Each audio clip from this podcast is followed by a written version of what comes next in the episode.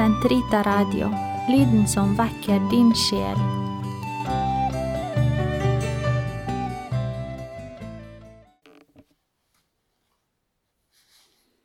Den katolske kirkes katekisme, uke 10, mandag, paragraf 163 til 169.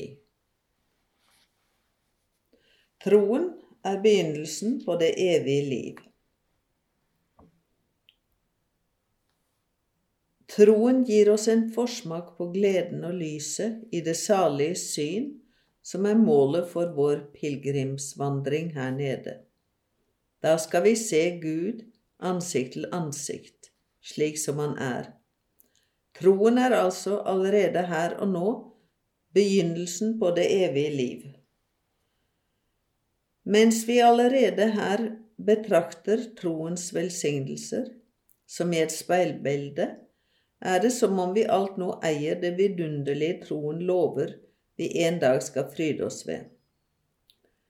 Men ennå lever vi i troen, vi ser ikke tingene selv, og vi kjenner Gud som i et speil et gjenskinn og glimtvis. Troen stråler i lysskjæret fra ham den tror på, men ofte leves det i mørket. Den kan settes på prøve. Den verden vi lever i, synes ofte fjernt fra det troen lover.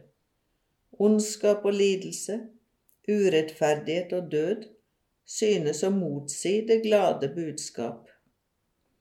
Slike erfaringer kan få troen til å vakle og sette den på prøve. Det er da vi må vende oss til troens vitner. Abraham som trodde, og mot alt håp satte sitt håp.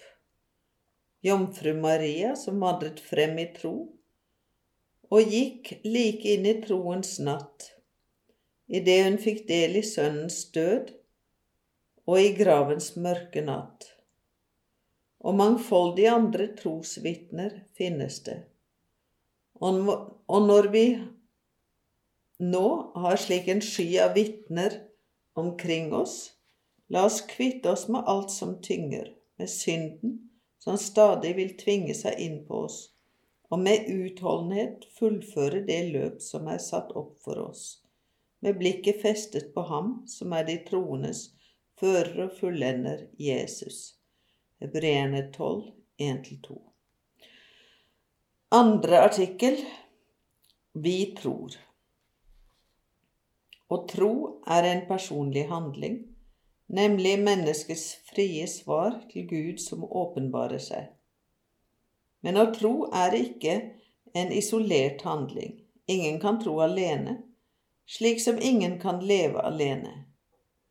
Ingen har gitt seg selv troen, like lite som noen har gitt seg selv livet.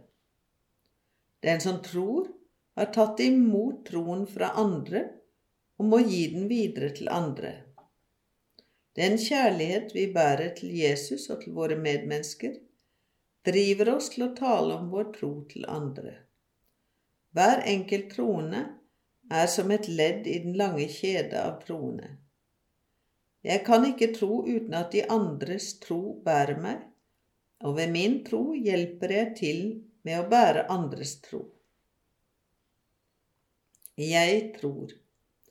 Dette er Kirkens tro som personlig bekjennes av hver enkelt troende, særlig i dåpen. Vi tror. Dette er Kirkens tro slik den bekjennes av biskopene forsamlet til kirkemøte, eller vanligere, av de troendes liturgiske forsamling.